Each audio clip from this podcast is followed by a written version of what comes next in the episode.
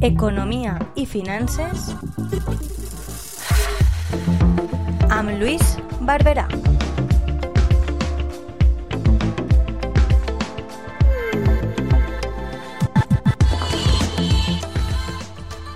Buenos días, amigos y amigas. Un mes más nos encontramos en esta sección de Economía y Finanzas de la Tegua Radio.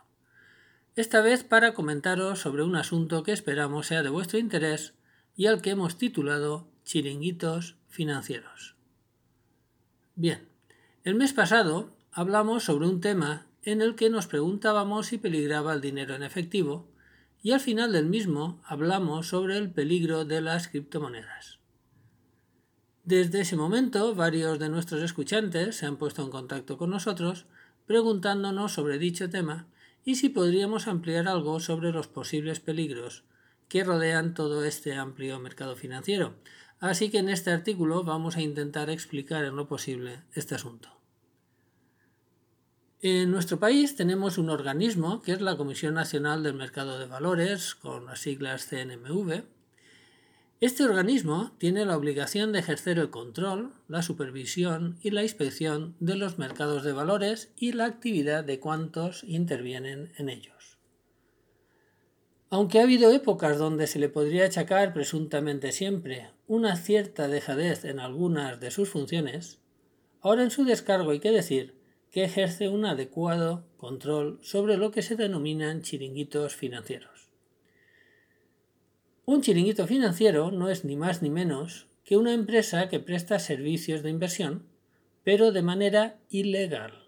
Es decir, son empresas que no están registradas ni supervisadas por ninguna autoridad y por tanto no quedan reguladas por la legislación. Solo en este mes la CNMV ha advertido sobre 11 empresas que operan sin licencia y al margen, por tanto, de cualquier ley que las regule y de ellas tres operan con criptomonedas. Y es que estos negocios, por llamarlos de alguna manera, no frenan en su actividad ni siquiera con pandemias como las de este COVID. El año pasado la CNMV advirtió que operaban sin licencia 188 empresas, pero es que en este año ya llevamos 246. Entre todas estas empresas nos podemos encontrar muchas con nombres sugerentes, sobre todo en inglés, pero se llevan la palma las que operan últimamente con criptomonedas, como Bitcoin Bank, Bitcoin Billionaire o Bitcoin Mining Straight. Las criptodivisas en España no cuentan con una regulación específica, pero aún así deben contar con una autorización de la Comisión Nacional del mercado de valores. Tengamos esto muy claro. Sabemos que los tipos de interés están por los suelos y que los ahorradores, que no tienen por qué ser inversores, no sacan rendimiento a tales ahorros y que por ahí se les promete el oro y el moro, pero no deben dejarse engañar hasta el punto de poner en peligro un patrimonio que les ha costado toda la vida reunir. El supervisor recomienda consultar sus registros, tanto de las entidades autorizadas como el de las advertidas, antes de que nadie confíe su dinero a un extraño. La Comisión Nacional del Mercado de Valores tiene un teléfono a disposición de todos esos posibles inversores, que es el 900-535-015. Duros a pesetas nunca han habido.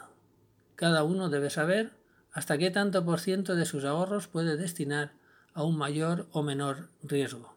Pero un chiringuito financiero no es un riesgo más o menos calculado, sino un riesgo total. Bueno amigos y amigas, espero que este artículo haya sido de vuestro interés y os emplazamos para el mes próximo.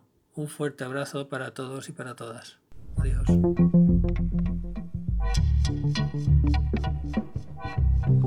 Economia i finances amb Lluís Barberà.